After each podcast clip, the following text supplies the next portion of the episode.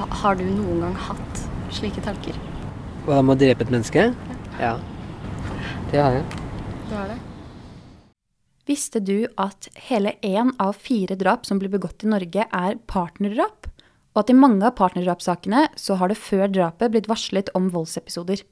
Altså, Dette er jo faktisk et så stort samfunnsproblem at et utvalg med fagpersoner over flere år har sett på en rekke partnerdrap for å kartlegge hva som har blitt gjort og hva som bør gjøres for å bedre kunne forebygge partnervold og partnerdrap. Dette har resultert i en offentlig utredning som nå er sendt på høring. Men det er jo noe som ikke stemmer når vold utøves mot noen man elsker eller er glad i. Nei, det henger liksom ikke helt på greip. Så hva er det som gjør at mennesker likevel er voldelige mot partneren sin?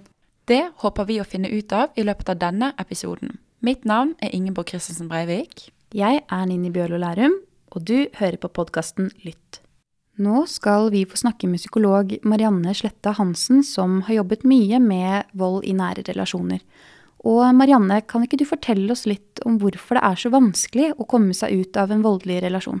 En ser at det er noe som heter voldens normaliseringsprosess, der du gradvis blir vant til å forholde deg til via psykisk vold, eh, isolasjon, kontroll. Kanskje perioder hvor det er veldig flott, veldig sånn voldsom forelskelse, eh, veldig god intimitet og seksualitet. Og, og også hvor den som utøver vold, eh, kanskje i starten psykisk, er veldig opptatt av å si unnskyld. En ser at volden hos den som utøver den, går i sykluser. Og alle som er utsatt for vold, også den som utøver, vet at det bygger seg opp en spenning. Hvor du eh, etter hvert vet at nå kommer til å bli en eller annen form for voldsepisode. Eh, det er kjempeviktig å vite om, om, disse prosessene og anerkjenne at den som blir, gjør det fordi at den må. Du nevner jo en syklus som ofte danner seg. Men kommer voldsutøverens unnskyldning etterpå pga. anger og følelse av skam, eller er det fordi de ønsker å beholde kontrollen? Det kan se veldig forskjellig ut.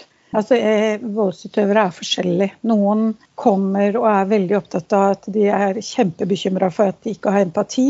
Og da tenker jeg er du bekymra for at ikke du har empati, så har du kanskje evnen til å utvikle det. Mange tror at vi er født med evnen til å føle empati, men det skal læres.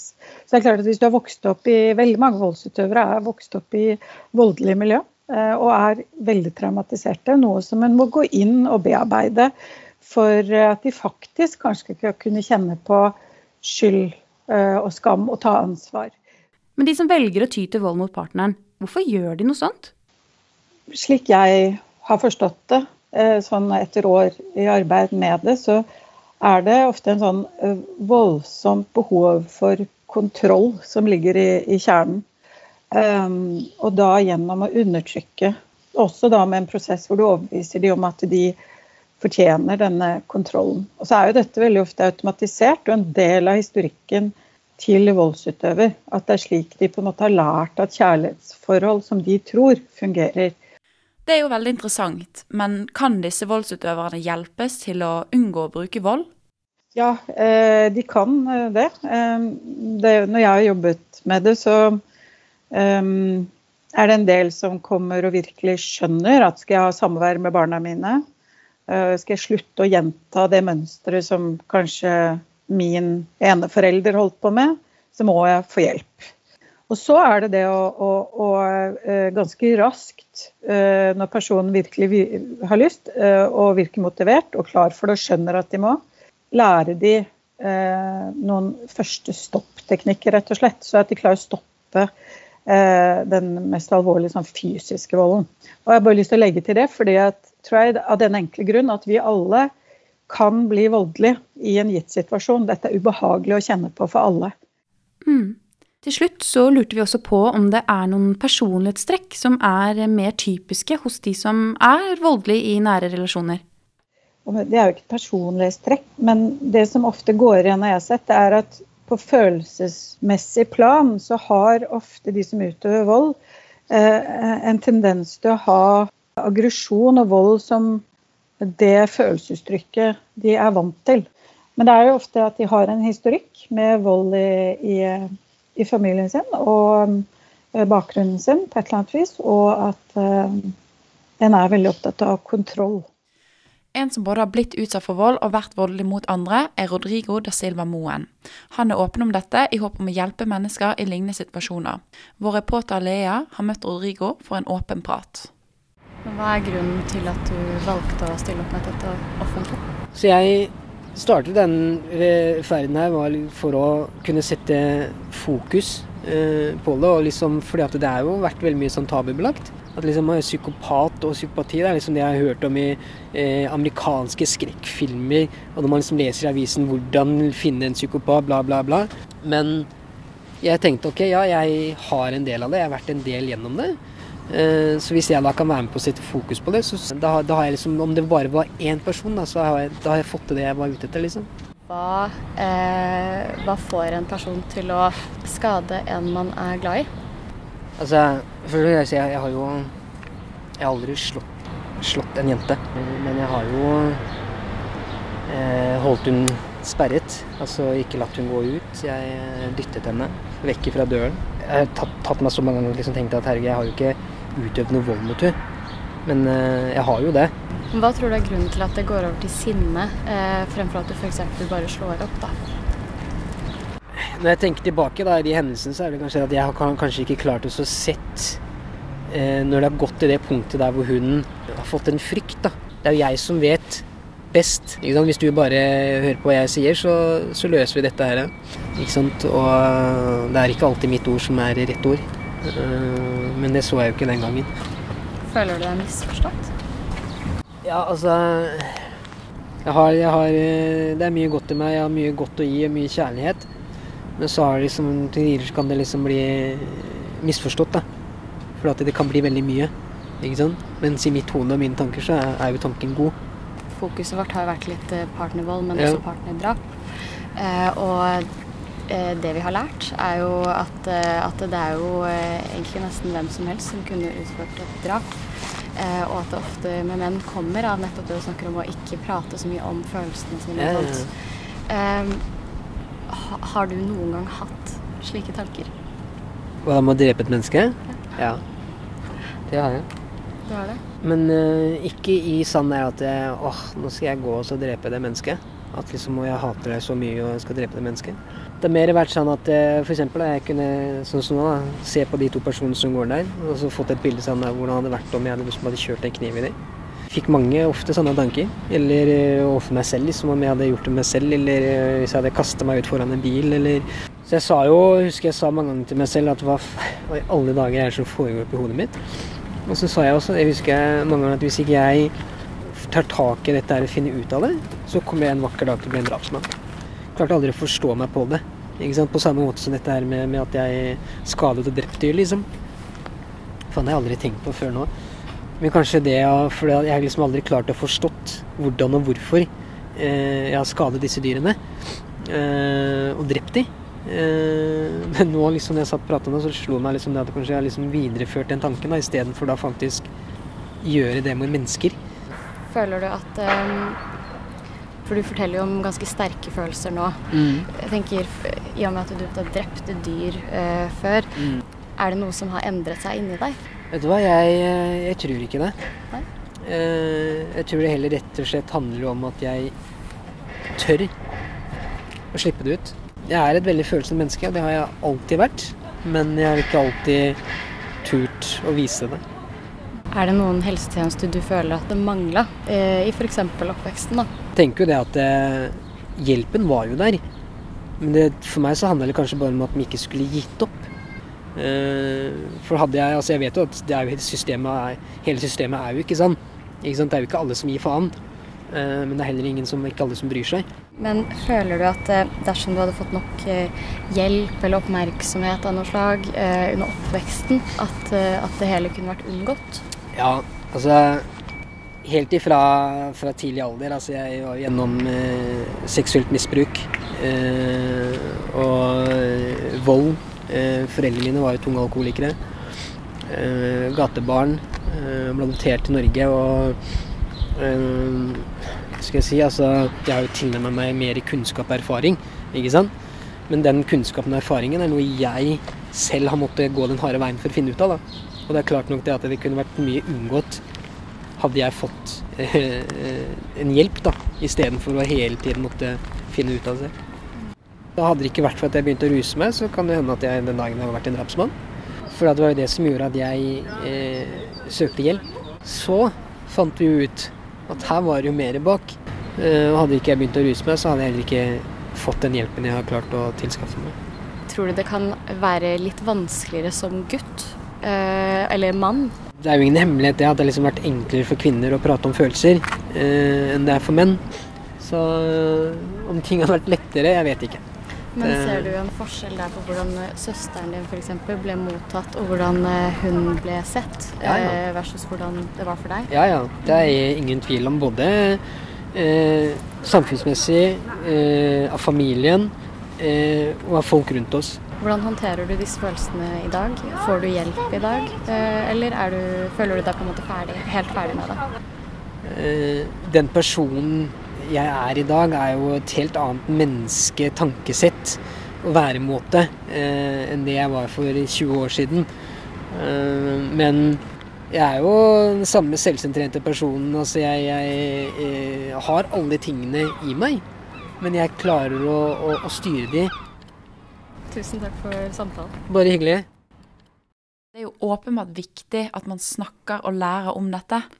Ja, og så er det så bra at noen tør å stå fram og fortelle historien sin for å hjelpe samfunnet til å forstå. Og det er så viktig å snakke om det når man sliter med mørke tanker. Og heldigvis så finnes det diverse tilbud, som f.eks. Kirkens SOS.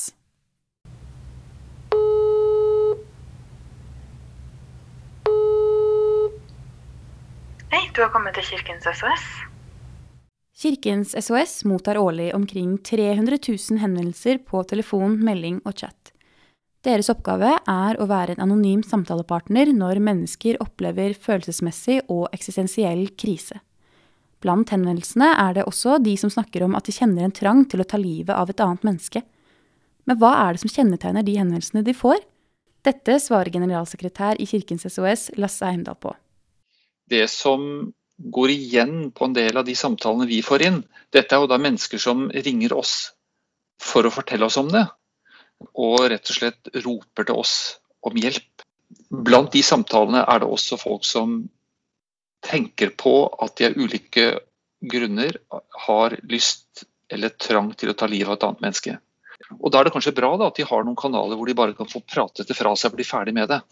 Eh, Vi har alle sammen innimellom skumle, ulovlige tanker som vi skjemmes ved, hvis du skjønner. Eh, Og det er befriende ofte å få lov til å si de allikevel. Men vi får også en del samtaler av folk som tenker seriøst på det. Hvor dette bare ikke er en flyktig skremmende tanke eller fristende tanke, men det er faktisk et reelt handling eh, som kan skje. Men de ringer oss i fortvilelse og ber om hjelp. Men hvilke personer er det egentlig da som benytter seg av disse samtalene? Et av særtrekkene ved de samtalene vi får inn av disse slagene, er at dette er ofte helt vanlige mennesker. Dette kunne også vært deg og meg. Og heldigvis så har de fleste mennesker en sperre inne som gjør at de ikke gjør det likevel.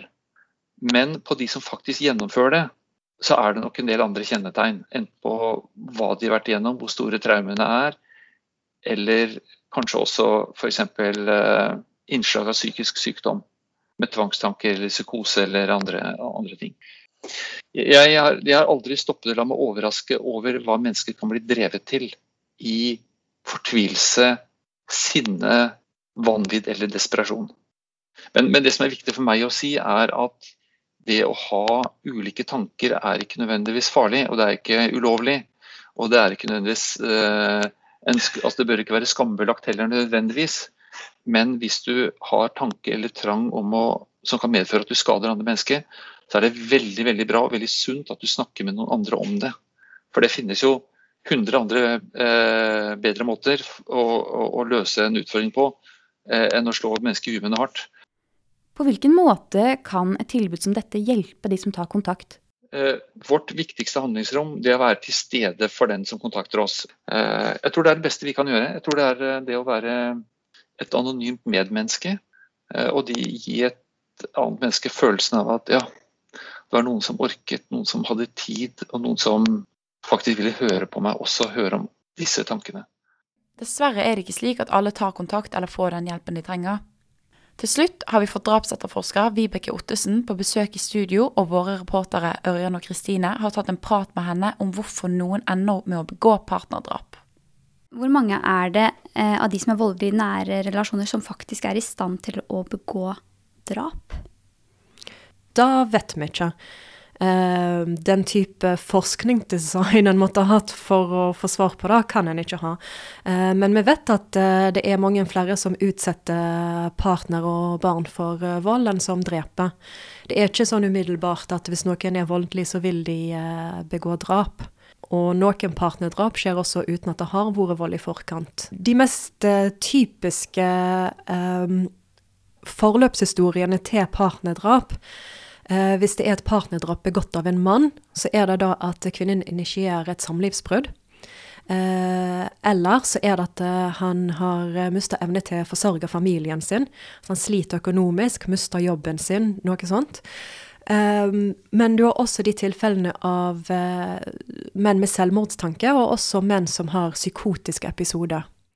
Når kvinner begår partnerdrap, Uh, selv om du kan finne tilfeller som ikke passer inn med dette bildet som jeg gir nå, så er det mest typiske de jeg lister for menn, og for kvinner så er det mest typisk at de har vært utsatt for uh, vold. Ulike former for vold. Det kan være fysisk, det kan være seksualisert, det kan være psykisk, emosjonelt. Og det hun opplever, enten det er sant eller ikke, opplevelsen hennes er at dette er det eneste alternativet hun har til å komme seg ut av forholdet med livet sitt i behold. Um, og når det kommer til barnedrap, så er det helt tydelig at uh, når de går inn i døden, så tar de med seg det kjæreste de har. Kan man si noe, eller generalisere, uh, på hvilke mennesker det er som dreper sine nærmeste? Om de, om de har visse personlighetstrekk, eller Det jeg kan si, at uh, det er et typisk trekk ved partnerdrap, og spesielt i Norge, at når menn begår partnerdrap, mm. så begår de selvmord. Men de som utsetter partnere for vold over lengre tid, kan kanskje ha personlighetsforstyrrelse, men eh, da vet vi ikke så mye om når det kommer til drap. Da vi ser på andre trekk, som, eh, som å, å, bli forlatt og slite med det etterpå. Men uh, hvordan, hvordan, får noe noen til å ta livet av noen, uansett liksom om det er samlivsbrudd eller selvmordsenka eller Det vi vet, er at uh, folk som uh, kjenner folk som har begått drap, sier alltid at det hadde jeg ikke trodd om Gunnar og Kjetil. Men det viser hvor lite en nabo f.eks. kan gjøre en sånn vurdering. Bare sånn at jeg har forstått deg helt riktig. Mm -hmm. Det er stort sett de mennene som allerede har tenkt, som sliter personlig, enten fordi det er et, utløst av et samlivs, potensielt samlivsbrudd fra dama. Du kan ha det kjempefint, og så kom samlivsbruddet, og så begikk du et drap. Det er ganske sykt å tenke på, men jeg tror det er veldig lett, og i hvert fall for min egen del, da, å sykeliggjøre de som gjør sånne, gjør, begår de handlingene da, som at nei, de er psykopater eller et eller annet, det er noe feil med de. Det trenger du ikke være. Hvis du er i et forhold da, med en psykopat, hvis Kristina f.eks. Hadde, vært, eh, hadde vært sammen med en fyr som var psykopat, er det da større sannsynlighet for at hun hadde blitt drept, enn hvis det var et vanlig samlivsbrudd? Altså Først og fremst er jo psykopat ikke en diagnose. Da det jeg snakker om i dag, er dyssosial personlighetsforstyrrelse. Og jeg ikke til, kjenner ikke til forskning som sier at eh, partnerdrap har større sannsynlighet ved dyssosial personlighetsforstyrrelse. De sier at omtrent 10% av befolkningen har en personlighetsforstyrrelse. Mm. Men det er ikke 10% av befolkningen som begår drap. Hvis vi da sier det omvendt, er det da større sannsynlighet at Kristine kunne drept mann hvis hun var sammen med en som var psykopatisk? Hun ville i alle fall uh, hatt drapstanker. Fordi kvinner som uh, er i voldelige forhold, kan få den type tanker. Jeg skal helt ærlig innrømme at jeg har tenkt at, at det her kan jo være Det kan være meg og deg, liksom.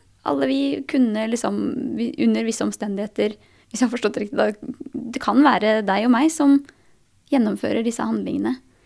Hvis Norge fjerner fri abort, hvis Norge fjerner prevensjonsmiddel til kvinner, så kommer antallet barnedrap til å skyte i været. Og ja, du og jeg kan være blant de som begår barnedrap. Jeg vet ikke om du har noe tall på det, men kommer vi til å se en økning i partnerdrap under og etter korona? Nå viser det seg at det der partnerdrapet i Norge egentlig sånn de siste 10-20 årene har utgjort omtrent en fjerdedel av partnerdrap, så i 2020 så utgjorde det 16% Så fra 25% til 16% en nedgang. Fordi akkurat nå så er hun hjemme. I dag kona går tilbake igjen til jobben, i dag kona endelig kan komme seg ut etter dette året hun har hatt med deg, da vil du kunne se partnerdrap. Jeg vil tro at eh, 2022 kan ha flere partnerdrap enn vi hadde i 2020. Krisen for disse mennene den kan komme når eh, alle med andre eh, er tilbake i jobb og klemmer hverandre og tror at nå, nå er alt bra. Hva, hva mener du konkret at vi som medmennesker kan gjøre? Det, det første er å anerkjenne at samlivsbruddet er vanskelig. Eh, fokuser heller på å stille opp medmenneskelig, heller enn å sykeliggjøre de og lure på hva som er galt med de, fordi da fjerner vi oss så langt ifra da å kunne stille opp for disse mennene. Så oppfordringen er ta vare på Se, se deg rundt, se deg rundt til vennene dine og familien din, og ta vare på de rundt deg, på en måte, og si at du er der. Mm. Lytte. Lytt. Du har hørt på Lytt, og episoden er laget av Kristine Lindrum Solhaug, Ørjan Nilsen, Lea Pericher Samadian, meg, Nini Bjørlo Lærum. Og meg, Ingeborg Kristiansen Breivik.